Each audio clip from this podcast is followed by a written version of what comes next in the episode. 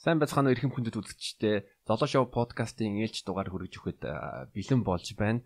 Өнөөдрийн зочинтой бол маш чухал сэдвээр ярина. Хүний эрхийн тухай ярина. Тэгээ сүүлийн үед юу юу юу болж байгаа ярина. Тэгээ өнөөдрийн зочин маань бол эрх зууч мягмар дорж мөн бас UB post болон Gogo цэгийн дээр англи монгол хэл дээр нийтлэл бичиж байгаа. Тэгээ бас удахгүй синхрон орчуулагч болох гээд байгаа. Тийм. За баярлалаа. Чөлөө цагаараа нийтлэлвч тий. Одоо хурлын орчуулгын синхрон орчуулгын сургалтанд сууж байгаа. Зөв. Тэгээ миний эхний асуулт бол өөрөө бол эхлээд уул уурхай инженер байсан байна.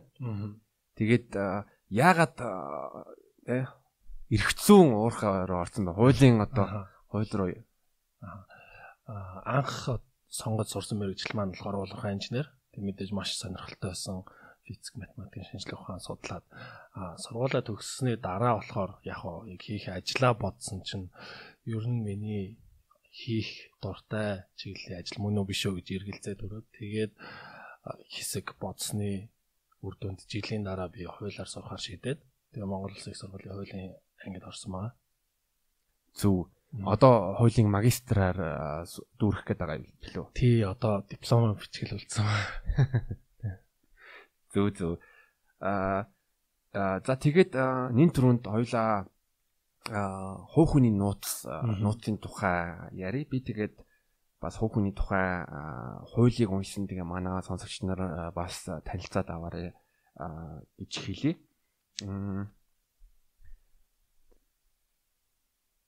За хуу хүний нууц гэж Монгол улсын болон гадаадын иргэн харьяалалгүй хүн Монгол улсын хууль тогтоомжид нийцүүлэн нууцлсан бөгөөд задруулбал тухайн хүний хууль ёсны ашиг сонирхол нэр төр алдар хүндэд илтэд хохирол учруулж болзошгүй мэдээ баримт бичиг бид зүйлийг хэлнэ а тэгээ бас яг хуу хүний нууцыг хит хитэн ангиллсан байгаа. Тэгээ тэрний нэг нь бол эрүүл мэндийн нууцд нууц гэж байгаа. Тэгээ эрүүл мэндийн нууц юу вэ гэвэл эрүүл мэндийн нууцд тухайн хувь хүний бие эрхтний гажиг нийтэд аюултай онцлог зарим халдварт өвчнөөс бусад өвчнөөр өвчлсөн тухай мэдээллийг аа тэгээд энэ хувь хүний нууцыг бас илт од гаргах нөхцөл байдаг. Тэрийг бас одоо уншаад өгье.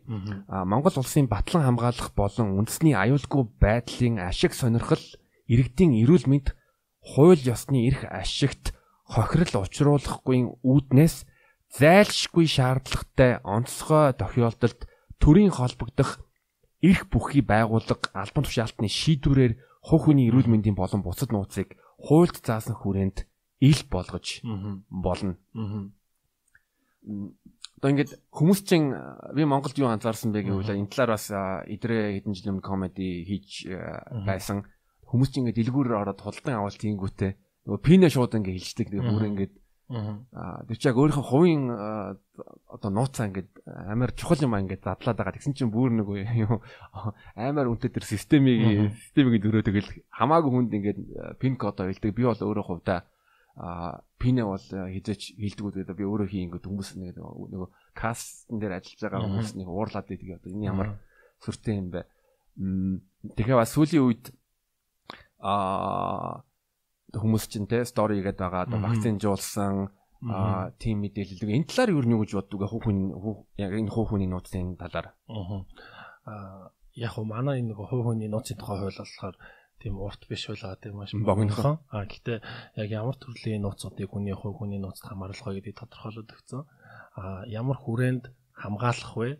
Ямар урдчилсан шалгуурыг хангаад тэрийг задруулж болох вэ гэдгийг ерөнхий байдлаар нь мөртлөө үнцийг нь бол сайн тавьж өгсөн гэж олон хүмүүс бас хэлдэг. Тэгээ тухайлбал хуульд заасан хүрээнд зайлшгүй шаардлагатай гэсэн хоёр гол шалгуур энэ тэ. Тэгэхээр тухайн хүний мэдээллийг одоо задруулах шаардлагатай гэж үзэх нь хамгийн нэгдүгээр бол хуульд заасан байх хэрэгтэй байна. А хоёрдугаарт гэх юм бол тэр заавал одоо задруулахаас өөр аргагүй задруулж иж тодорхой нэг одоо учрах гэдэг аюулаас хамгаалах ч юм уу тийм зайлшгүй шаардлага байх хэрэгтэй тий. Одоо тухайлбал нэг хүн ингээд одоо бидний дунд сүүлийн үед болоод байгаа кейс тий. Тухайлбал нэг хүн ковид туссан мэй гэж бодоо тий. Тэнгүү тэрийг ингээд халдварт өвчин судлалын үндэсний төвөөс хүмүүс очоод ингээд тусгаарлаад аваа явчлаа гэж бод. Хамгаалцсан тий. Тэгээд тэр хүний мэдээллийг олон нийтэд задлах зайлшгүй шаардлага байхгүй байгаа. Яагаад вэ гэх юм бол тэр хүн аль хэзээ ингээд тусгаарлагдсан байна шүү дээ тий. А тэгсэн ингээд маш одоо олон хүмүүс дунд яваад тэгээд тэр нь магадгүй бусад хүмүүст халдвар тараасан байж болзошгүй гэх юм бол мөн ингээд тухайн хүрээнд төрийн байгууллага аль болох хүний эрхийг хамгийн баг төвшөнд зөрчгийг ирмэлцэх ёстой. А тэрнээс ш хүмүүсийг хамгаалах чинь бид нар өөрсдийнхөө ажлыг хийх гэж чинь гээд ерөөсөө хязгаарлаж болохооргүй тийм хүрээнд ингээд заадалж тавих ёсгүй. А тэрэн дээр одоо ингээд бид нар ингээд тэр заагийг нь ойлгож чадахгүй зарим хүмүүс тий хин нэгэн хүний тэр эрүүл мэндийн нууц буюу ингээд хувийн нууц нэдэг. А тэгтэл би наад хүнтэй чинь энэ тэнд ч юм уу таарсан байвал яах юм хин туссныг би мэдмээр нэ гэдэг тий. А тэгтэл яг үнэ хэлэхэд чи ингээд өчтөр кофе шоп ч юм уу ресторан ч юм уу таарсан танихгүйнийхээ зэрэг тань зургийг хараад танихгүй шүү дээ тий. Тийм. Тэгэхээр тэнд ингээд зайлшгүй шаардлага байна уу, хууль заасан хүрээн байна уу гэдгийг бид нар маш сайн харах хэрэгтэй. А тийхгүй ерөөсөө а энийг ингээл задлах юм бол хүмүүст нэмэртэй юм байна ч юм уу хүмүүст мэдээлэл болох юм байна ч юм уу гэж үзэл задлчиж болно гэсэн үг биш. Тэгээ манай тэр одоо нууцын тухай хууль уг нь бол одоо төрийн эрх бүхий байгууллагууд маань хуулаа хүндлээд хуулаа сайн дагдаг байх юм бол хүрээ урдчилсан нөхцөлийг нь бол тодорхой заагаад өгсөн тийм хуулиаж байгаа. Аа. А түнчлэн бас одоо жишээ нь нэг 3 4 хоногийн өмнө ч үлээ. Дэлхийн эдийн засгийн форумын албан ёсны Twitter Twitter хаяг дээр тийм мэдээ оруулсан. Юу яг гэвэл хэрвээ хэрвээ та вакцин жуулаагүй бол таныг одоо ажил олгогчдын ажлаас одоо халж халж болно хална гэдэг тийм мэдээ оролцсон байсан. Тэгэхээр яг энэ хувь хүний нууцыг нууцыг нууцын хуулийг бодох юм бол та өөрийнхөө эрх ашигаа бодоод бол хуваалцах хуваалцахгүй байх эрхтэй. Миний хувийн хувийн нууцлын мэдээлэл гэж. Одоо ямарваа нэг вакцинд хамрагдсан хамрагдаагүй гэдгийг бид нар тэр хүний эрүүл мэндийн холбогдох мэдээлэл мөн үү үгүй юу гэж үзэхээс л хамаарах бах л та. Аа яг одоо энэ тохиолдолд бол тэр ажил олгогч буюу голцоо хувийн бизнес эрхлэгч байгаа тий тэр хүмүүс яг юм хэцүү нөхцөлд орчиж байгаа байхгүй. Нөө бидний хэлдгээр бол хадны завсар харвчлагдсан халууны зулцэг гэдэг ш. Яагаад гэх юм бол төрийн байгууллагаас тэр байгууллага тэр одоо хувь бизнес эрхлэгчид ажилтнуудаа вакцинд хамруул, вакцинд хамруулаагүй хүнийг бити ажилуул гэсэн үүрэг өгчөж байгаа тий. А тэгсэн чинь нөгөө байгууллага маань энэ үүргийг биелүүлэхгүй байх юм бол зөрчлийн тухай хуулиар торгуулд орно гэдэг ч юм уу. Эсвэл үйл ажиллагааныхаа тусгай зөвшөөрлийг алдна гэдэг ч юм уу. Ингээд үр дагаврууд нь хуулиар онооцсон байгаа.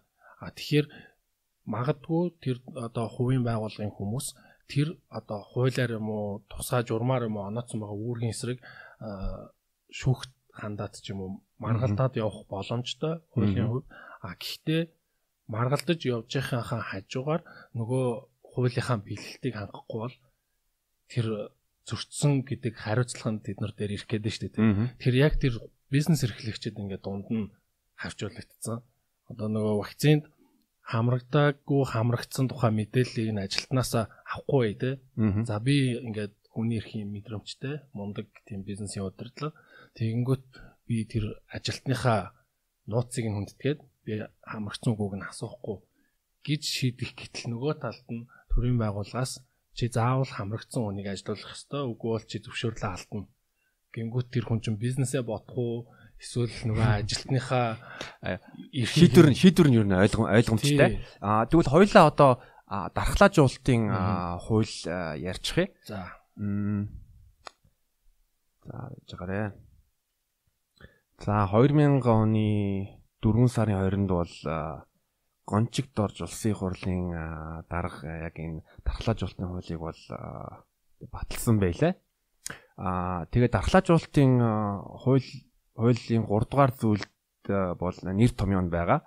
А заавал хийх дархлаажуулалт гэж дархлаажуулах насны бүх хүнийг заавал хамруул зохих дархлаажуулалтыг тэгээ сайн дурын дархлаажуулалт гэж байгаа гэж иргэн өөрийн хүсэлтээр дархлаа жуулах бэлтгэл хэрэглэхийг.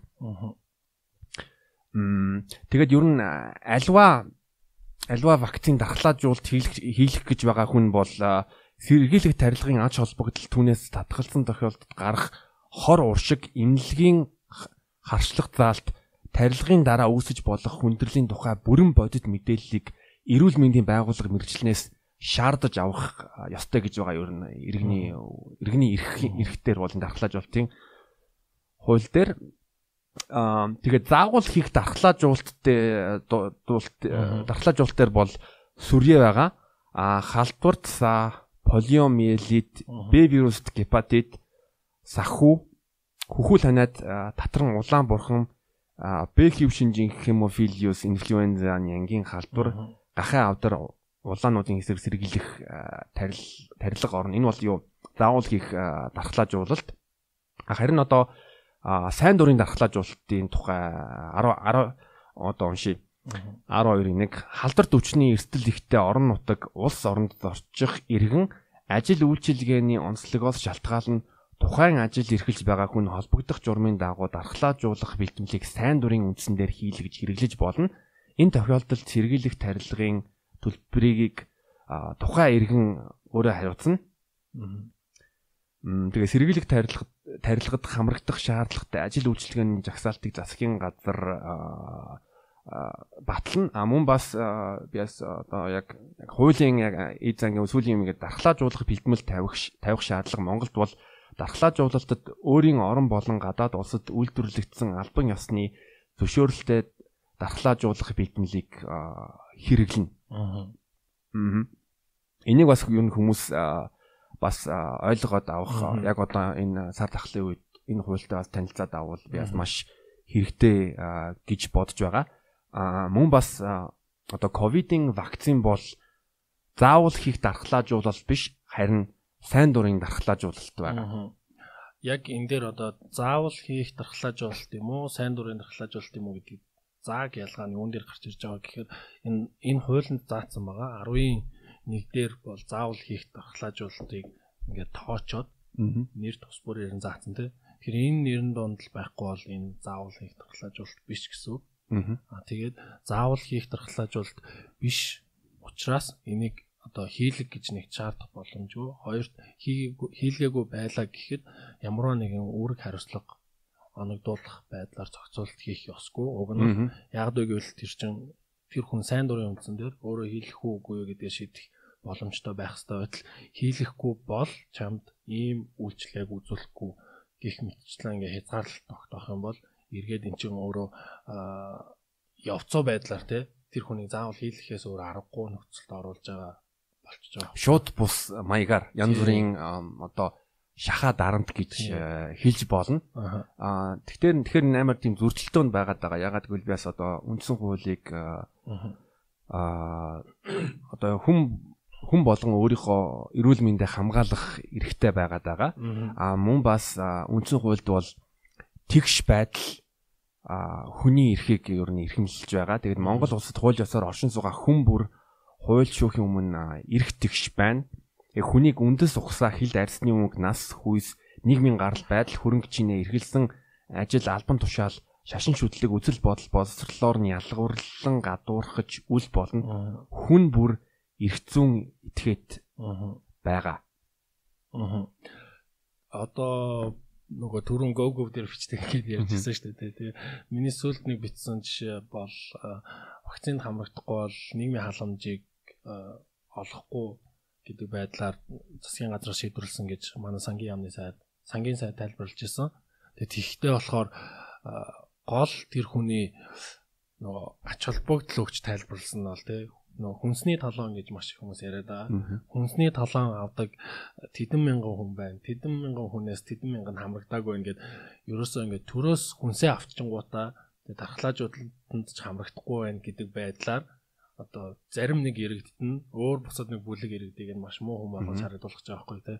А тэгтэл тэр хүнсний талон гэдэг чинь Монгол улсын засгийн газар нийгмийн халамжийн хүрээнд үзүүлдэг бараг 40 50 тусламж дэмжлэгийн нэг нь л байгаа байхгүй. А тэгэхээр ганц ийм одоо маш олон хүнд муу харагдаж магадгүй жишээг нь сонгож одоо нийгмийн халамж гэдэг бол маш муу юм юм шиг ойлгуулад нэгдүгээр тэр бол өөрөө яг ингээд төрийг төлөөлж ярьж байгаа хүний хувьд бол маш тийм буруу байр суурь хандлага байгаа байхгүй тий. А тэгээ нийгмийн халамж гэдэг юм бид нар зөвхөн хүнсний талон гэдэг юмор ойлгож болохгүй. Яагаад вэ гэх юм бол хүн болгоно л одоо гарааных нь байдал нь тэгш байх боломжгүй өөр өөр гараанаас явж байгаа учраас зарим хүмүүст маань амьдралын наадзахын хэрэгцээг хангахын тулд төрөөс ямар нэгэн дэмжлэг үзүүлэх хэрэгтэй болно. Тэр бол ойлгомжтой. Тэнгүүт одоо манай Монгол улс чинь маш олон олон улсын байгууллагуудын гишүүн босны хувьд тэдний тэднээс бас маш их дэмжлэг тусалцаа авдгийн хувьд бид нараас эргээд хүний ёстой нийцүүлээд зарим үүрэг хүлээд энийг нь нийгмийн халамж авахгүй. Тэр зөвхөн энэ ингээд Монгол улсын үндсэн хуулийн дээр ч байгаа юм биш олон улсын байгууллагын одоо байгуулсан гэрээ конвенцийн хүрээндчдэр Монгол улс маань иргэдтэй шаардлагатай нийгмийн халамжийг өгөх үүрэгтэй гэж заасны дагуу үндсэн хуулийн дээр одоо нийгмийн халамжийг авах тухай хүн шаардлагатай бол нийгмийн халамж авах боломжтой байх тийм эрхтэй тухай үндсэн хуулийн 16-гийн 5 заасан байна. Тэгэнгүүт энэ манай засгийн газрын авч иржүүлж байгаа арга хэмжээ тэр хүний нийгмийн халамж авах эрхийг нь заавал хамрагдах шаардлагагүй вакцинаар далимдуулаад хязгаарлаж байгаа байхгүй тий. Яг шууд нийгмийн халамжийг ингээд зогсоочихгүй. Яг адилхан түрүүний тий нэг хүний ингээд болон шахаад байгаа юм шиг шууд ингээд зогсоочихгүй. А гэхдээ чи вакцин хамрагдахгүй бол нийгмийн халамж авахгүй. Гэ ингээд нөхцөл заах байдлаар хүний тэр үндэс эрхийг нь зөрчөөд байгаа байхгүй тий. Одоо жишээлбэл тэр нийгмийн халамжид юу багтаж байгаа юм гэхээр цаатан иргэдэд бас төрөөс дэмжлэг өгд юм байна одоо иргэдэд бас төрөөс дэмжлэг өгд юм байна. Хөгжлийн бэрхшээлтэй гэр бүлийнхаа хүнийг асарж байгаа хүмүүст бас төрөөс тодорхой мөнгөнд тусламж өгд юм байна гэдэг. Тэр хүмүүсийн ингээд амьдралын наацхан хэрэгцээг нь хангахтай холбоотой маш олон төрлийн тийм дэмжлэг тусалцаанууд байгаа байхгүй юу? А тэгтэл ингээд нэгэнт бүрэн гүйц судлагдаг байгаа вакцин дээр зарим нэг хүмүүс эргэлзээд ч юм уу те ям эсвэл харшлаас болоод эсвэл утгагүй жирэмслэхээр төлөвлөж байгаагаасаа болоод гих мэдчлэн янз бүрийн шалтгаанаар тэр хүн вакцин хийлэхгүй байх шийдвэрийг гаргаж болно шүү дээ. Тэгсэн чинь хийлгээгүй бол чи нийгмийн халамж авах боломжгүй гэдэг байдлаар энэ бол одоо миний харсан маш олон бүтээгч жишээнүүдийн нэг гэж би бодож байгаа.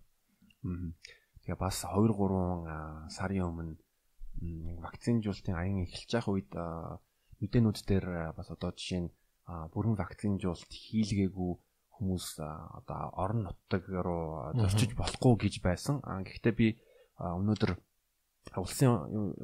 Онцгой байдлын цахим хуудас дээр 5 сарын 22-нд яг орон нутаг руу зорчих тийм журмаа гаргасан байлээ. Тэрэн дээр хүндэтгэлийн шалтгаанаас вакцинжуулаагүй хүмүүс 72 цагийн хүчинтэй PCR шинжилгээг нотлуулах юм бол орон нутагт бол зөрчиж болно.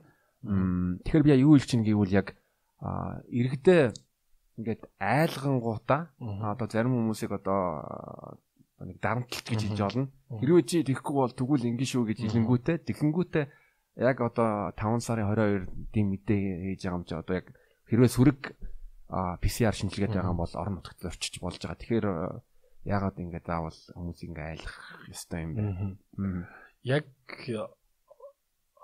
тэр юу гэж тайлбарламаар ингээд тодорхой нэг шийдвэр шийдвэр нь хүмүүсийн амьдралд дандаа үр дагавруудыг авчирч байгаа гэдгийг сайн ойлгохгүй байгаа юм шиг. Одоо жишээлбэл юу гэдэг чинь те даваа гаргийн өглөөний 6 цагаас эхлээд машинтайгаа зорчихдоо QR кодтой байх ёстой гэдэг шийдвэрийг бүтэн сайнны оройны 11 цагт хэлж явах те.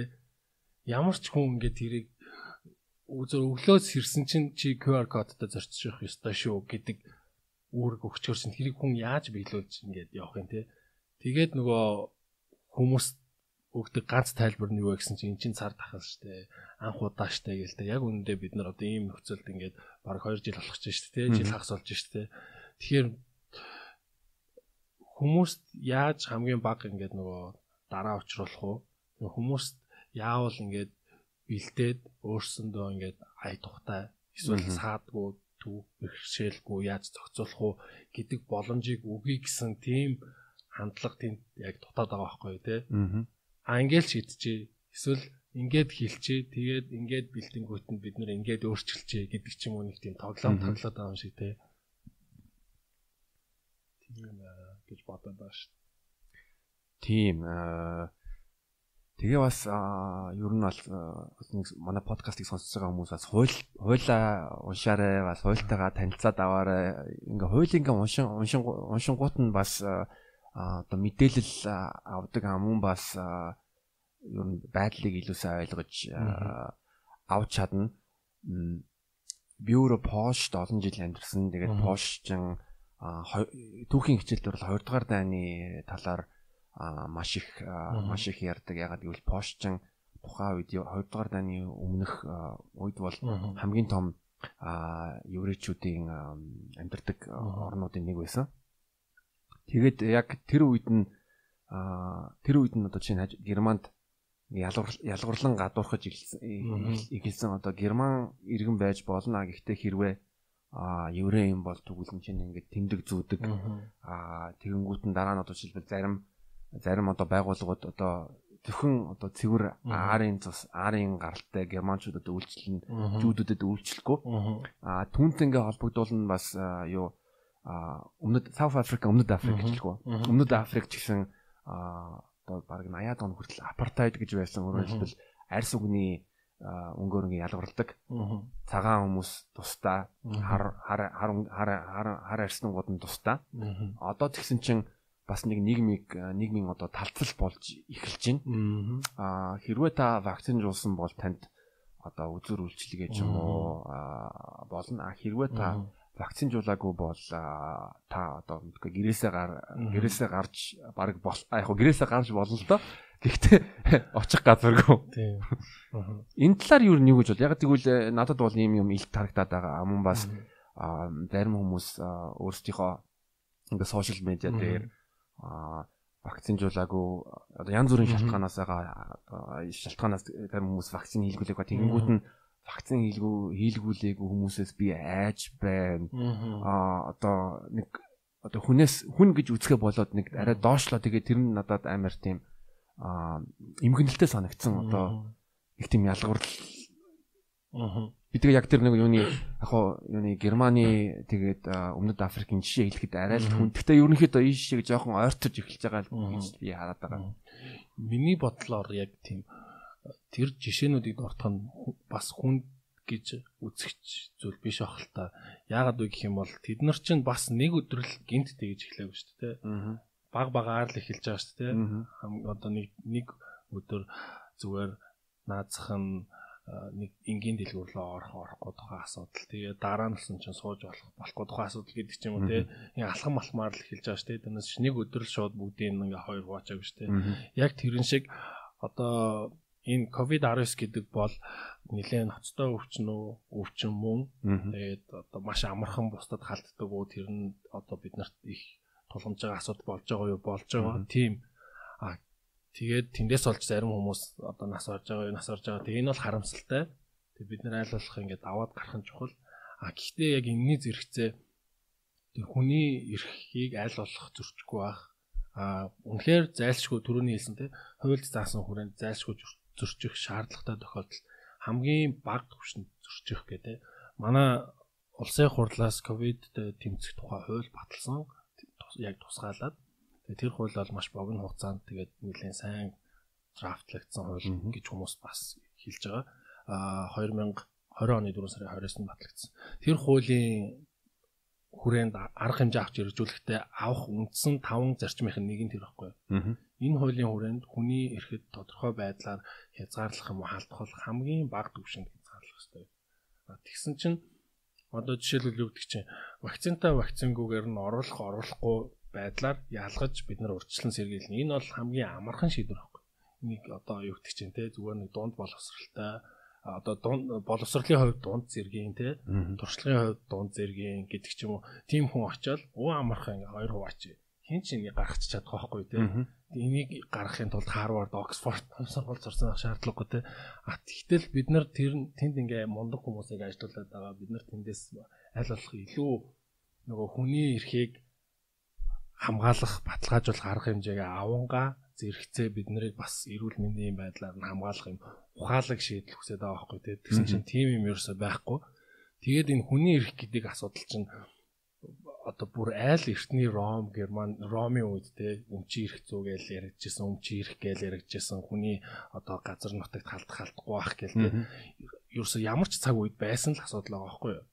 А одоо тэгсэн чинь жишээлбэл вакцинд хамрагдах хамрагдахгүй чинь тэр хүний өөрийнх нь сонголт өөрийнх нь ирэх байхгүй юу гингүүт нэг л их ирэх ярьсан хүмүүс үүргээ мэдхгүй гингээд амар сони явцруулж тайлбарлалтай. А тэгтэл тэр хүн өөрөө тэгж хэлж гин гэдэг нь тэр хүн өөрөө үзэл бодлоо илэрхийлэх эрхээ эдэлж байгаа байхгүй юу? Тий. Яг нэг эрхээ эдлэнгээ өөр нэг хүний эрхийг үүсгэж яриад байгаа байхгүй юу? Тэгэхээр бид нар тодорхой хэмжээгээр тодорхой хүрээнд хүний зарим нэг эрхийг хязгаарлах нөхцөл байна. Тэр бол маш ойлгомжтой. Байхаас өөр арга байхгүй. А гол нь тэр нь зайлшгүй юм уу, зохих хүрээндээ юм уу, үнэлэлтэй юм уу гэдэг тэр л асуултуудыг бид нар асууж хэрэгтэй байхгүй тий. Тэгэхгүй болохоор чин төр чин бол ингээд маш их хэмжээлшгүй шахуу эрх мэдэлтэй. Тэгээ бидний татвар сар болгоо авч байгаа тий. Тэгэнгүүтээ тэрэн дээр бид нар л ямарваа нэгэн байдлаар хяналт тавьж явахгүй бол дураараа дүүргэх хад маш амархан тийм хүмүүс байх боломжтой шүү дээ тий.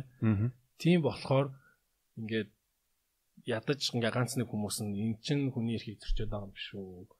Э, хүний эрхийг хамгаалах талаас анхаарал яасан бэ гэд үг хэлэнгүү.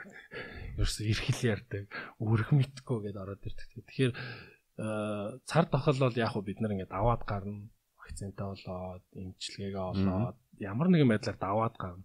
Тэрний дараа хүний эрхийг ингээд дураараа зөрчдөг тийм одоо практиктай үлдэхгүй байх юмсан гэдэг хүсэл бол амар их байгаа. Тийм болохоор аль болох төрийн байгууллагаас гарч байгаа шийдвэрүүдийг хүний эрхэд халдж байгаа юу үгүй гэдэг талаас нь харж бичгийг хүсэж байгаа яг энэ одоо хөл хорой ковидын үеэр. Аа хувь хүн ер нь өөрийнхөө хүний эрхээ ер нь яаж хамгаалж болох уу? Тэгээ хүний эрхээ эрхт нь халдах юм бол тэгвэл ямар арга хэмжээ авч болох юм? Яг тухайн тохиолдлоос хамаарна те ямар эрх байна. Одоо жишээлбэл гэр бүлтэй болох эрх байна те. Эсвэл сонгох сонгогдох эрх байна гэдэг тухайн тохиолдлоос л хамаарна л да. Тэгээ мэдээж тэр хувь хүн эрхээ яаж хамгаалах вэ гэх юм бол яг ямар эрхтэйгээ мэдгээс л эхэлнэ. Аа. Монгол улсын иргэд болон Монгол улсад байгаа хүмүүсийн баталгаатай эдлэх эрхийг үндсэн хуулийн зааж өгсөн байгаа. Тэр нь бол үндсэн хуулийн 16 дугаар зүйлд нийт ингээд 16 эрхийг баталгаатай эдлэх эрх гэж өгсөн байгаа. Хамгийн наазах нь тэднийг уншаад за би нэг ийм одоо баталгаатай эдлэх эрхүүдтэй юм байна гэд харах хэрэгтэй. Аа тэгээд нөгөө эрхүүд маань цаашлаад одоо бусад хуулиудаар зохицуулагдаж байгаа тийм. Тэгэхээр ер нь ингээд суур ойлголттой байгаад хамгийн түрүүнд эрхээ мэдхээс л өөрийнхөө эрхийг хамгаалах тэр ажил нь эхлэх баг. Аа тэгээд за бүр байг ингээд хуулийг үгсэхгүй уншихаа болиё гэхэд миний бодлоо яг энэ хувь хүний бодол миний бодлоор бол тухайн зүйлс дээр яг ингэж асуулт асууж одоо хөвчих хэрэгтэй гэх юм уу те энэ яг зайлшгүй юм уу энэ яг зохистой төвшөнд байгаа юм уу? Энэ яг үндэслэлтэй юм уу те? Хэрвээ зайлшгүй бол яагаад те? Зохистой төвшөнд бол хүрээ нь ямар байх вэ? Үндэслэлтэй бол үндэслэл нь юу гэдэг ч юм уу. Тийм ингээ асуултуудыг өөрөөсөө асуугаад юмыг ингээ тодорхойлж ивэл бас нэг ахиц дэвшил авах гэж бодож байгаа. Аа тэгээд энэ бол ингээ өөрөө хийх юм те. А бусдаас авч болох юм нь юу гэх юм бол аль болох гайгүй анализ хийж бичсэн ч юм уу ярьсан ч юм уу олон талын их сурвалжуудыг үзэж харах хэрэгтэй хитрхи хайрцаг хайрцаглагдаж болохгүй шүү дээ. Одоо жишээлбэл мегмар дөржин л пост видео нийтлэлүүдийг л хараад байх юм бол бас ингээ хитрхи те ирэх ирэх ирэх гэсэн хүн болчих магадгүй шүү дээ. Тэгэхээр айл болох ингээ бас тал талаас нь өөр бусад их сурвалжуудаас юм харж байвал зүгээр юм бол гэж. Зөв. Мм а Тэгээ бас чамдас одоо баярлаа гэж. Ягаад гэвэл яг хувь хүний үүднээс бас маш хэрэгтэй мэдээлэлтэй ерөнхий хууль мэддэг хүмүүс ингээд нийтлүүдийг чинь ингээд унших юм бол ойлгомжтой ойлгомжтой байдаг мэдээлэлтэй байдаг. Тэгэхээр хизэнээс эхлээд ер нь нийтлэл бичиж эхлэе тэгээд яагаад нийтлэл бичиж шалтгаан чи юу вэ? Ер нь юм бичих дуртай хүн болсон. Оюутан болсноос хойш. Тэгээд миний хамгийн анхны бичижсэн нийтлэл 2016 онд байсан санагдаж байна. General knowledge of mining industry in Mongolia байх би тэг санаж. Уул уурхайн ерөнхий мэдээллийн тухай. Тийм. Шууд синхрон орчуулга болж байгаа. Тэгээд би яагаад англи хэл дээр бичсэн бэ гэх юм бол тухайн үед миний англи хэл тийм сайн байгаагүй. Аа гэхдээ би ингээд нийтлэл бичих маш их сонирхолтой байсан. Англи хэлээ сайжруулах нэг боломж юм байна гэж харсан нэгдүгээр. Хоёр дахь юм бол монгол хэлээр нийтлэл бичиж байгаа хүмүүс угаасаа маш олон байсан. Тэгэхээр тэр дунд ямар ч тийм сонин сэтгүүл нийтлэлийн мэрэгжилгүй надад ямар ч боломж байгаагүй. Тэгэнгүүт би sorry Тэнгүүд би яг тэр англиар нийтлэл бичих хэсэг рүү ингээ орсон. Тэгээд 2016 оноос эхэлж бичиж эхэлсэн. Анхны нийтлэл маань би нэг найзаараа хянуулж исэн. Англи хэл дээр болох миний англи хэл тийм сайн байгаагүй. Тэгээ хянуулсан ч улаан яриан болоод ирсэн. Тэгээ гутраал би ер нь юм бичиж чадах юм уу гэд. А ихт аз залхаж шантраагүй. Тэгээ бичээд үргэлжлүүлээ явсан.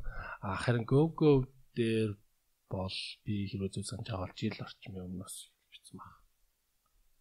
Аа байна уу. Гого дээр жил орчны өмнөөс үү? Эсвэл хагас жил юм болоо.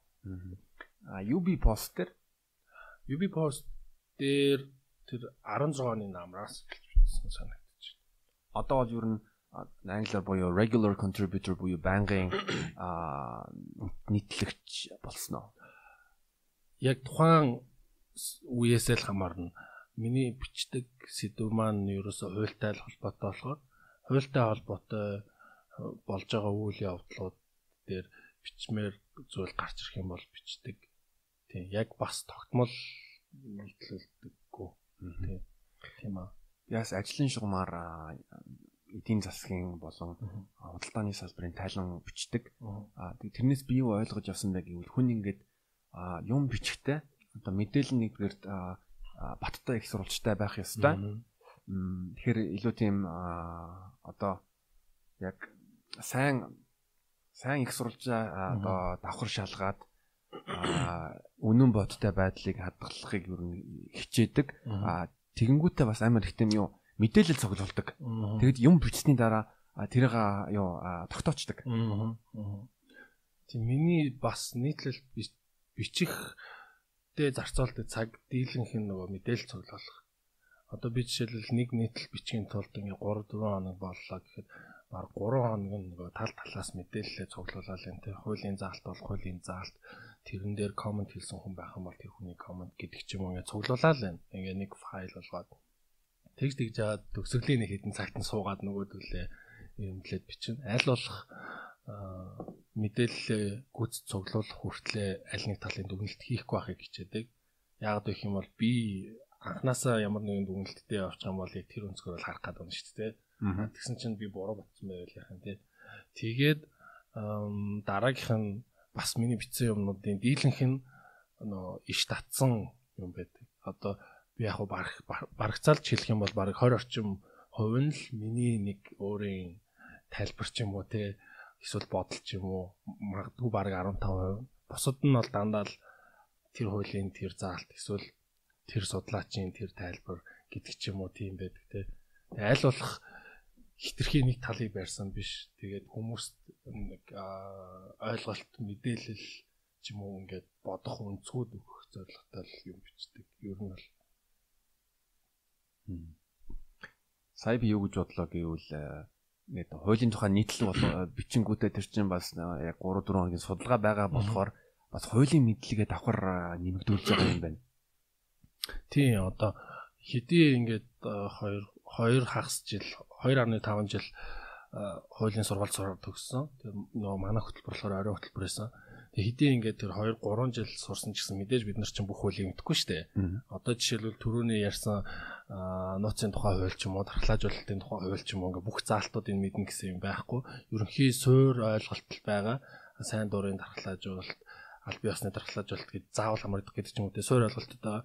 Тэнгүүд яг саяны хэлсэн шиг тодорхой нэг асуудлаар би ингээ нийтлэл бичих юм бол яг нөгөө хуулийн заалт тус бүрлэгөө орно те энэ үг бүрчлэн уншаад энэ заалтыг хэрэгжүүлэхийн тулд ямар шаардлага хангах ёстой ингээд дахиад нэг юм руу яваад гээд өөрөө бас тэр дундаасаа ингээд өөрийнхөө тэр надад байгаа суур ойлголтоо илүү наривчлаад бас баттгаад авчиж байгаа хөөх. Яг яг юм өөрөө бичгтээ юм сурж байгаа гэж хэлэхээр бас болохгүй байхгүй яа гэвэл сураагүй юм аа бичээд. Хүмүүс уншуулах гэдэг юм шиг те. Яг тийм бол биш. Суур зарчмаа ерөнхийдөө ойлгоцсон байхаа. Тэгэнгүүтээ наривчилж тэрийгээ илүү яг наривчилсан хуулийн зохицуулт нь ямар гэдэм бэ гэдгийг нөгөө түрүүний чиний хэлсэн шиг тогтоож авч байгаа тийм тэр талаас бас өөрт бас ашиг тустай нийтлэл бичгэн Зөө зөө би бас яг энэ подкастэнд бэлтгэдэг бол тэгээ 2 3 төрлийн хууль үзээд бас бас ямар ч байсан нэг өчтөрөөс бол өнөөдөр илүү жоохон ч илүү мэдээлэлт мэдлэгтэй гэж хэлэхгүй мэдээлэлтэй болчихлоо. А мөн бас пошт энтэл дээр хуулийн тухай хуульчтай хийсэн бас подкаст сонсох. Тэгээ поштаг юу яг юу л яг энэ энэ тухай яг адилхан тустай подкаст тэрийг 1.5 сая хүн үзсэн. Яг яалчгүй 38 сая хүн хүн амтай болохоор цар хүрэн амар ингээд өргөн байдаг. Аа тэгэд мегада урилга хүлээж авсанд маш их баярлаа. Тэгээд яг хуу хүнээсээ бас нийтлэл бичээд бас иргэдийнхэн хүүхний эрхийг хамгаалж байгаад бас баярлалаа гэж хэлье. За тэгээ урьж оруулсанд бас маш их баярлалаа. Тэгээд эрх хамгаалах гэхээсээ илүүтэй ер нь бол хүмүүсийн эрхийнхаа талаар нэг суур ойлголт ч юм уу мэдээж мэдээж аваасаа эсвэл ядаж арай нэг өөр харах өнцгөөс бас хараасаа тий. Хүүхний хүүхний эрхийн тух эрхийн тухай ер нь анхаарлыг хандуул хандуулж өгж байгаад баярлалаа гэж хэлсэн байна. За баярлалаа нөө сурж оролцсон баярлалаа. Тэгээд өөрийнхөө бас нөгөө бодож байгаа юм аа босод хүмүүст хүргэх юм боломж олно гэдэг чинь бас их чухал шүү дээ. Аа. Ийм боломж өгсөн баярлалаа. А баярлалаа. Би бас яг төгсгөлд энэ бол битүүрийн яриа бол хуулийн зөвлөгөө биш. Хоёр хүний чөлөөтэй үзэл бодлоо илэрхийлж байгаа. А мөн бас яг видео description дээр би мегагийн сошиал холбоосуудыг холбоосуудыг 50 тэгээд тийм болохоор нийтлүүдийг нь уншаад аваад танилцаарай гэдгийг ер нь уриалъя. За баярлалаа. За баярлалаа.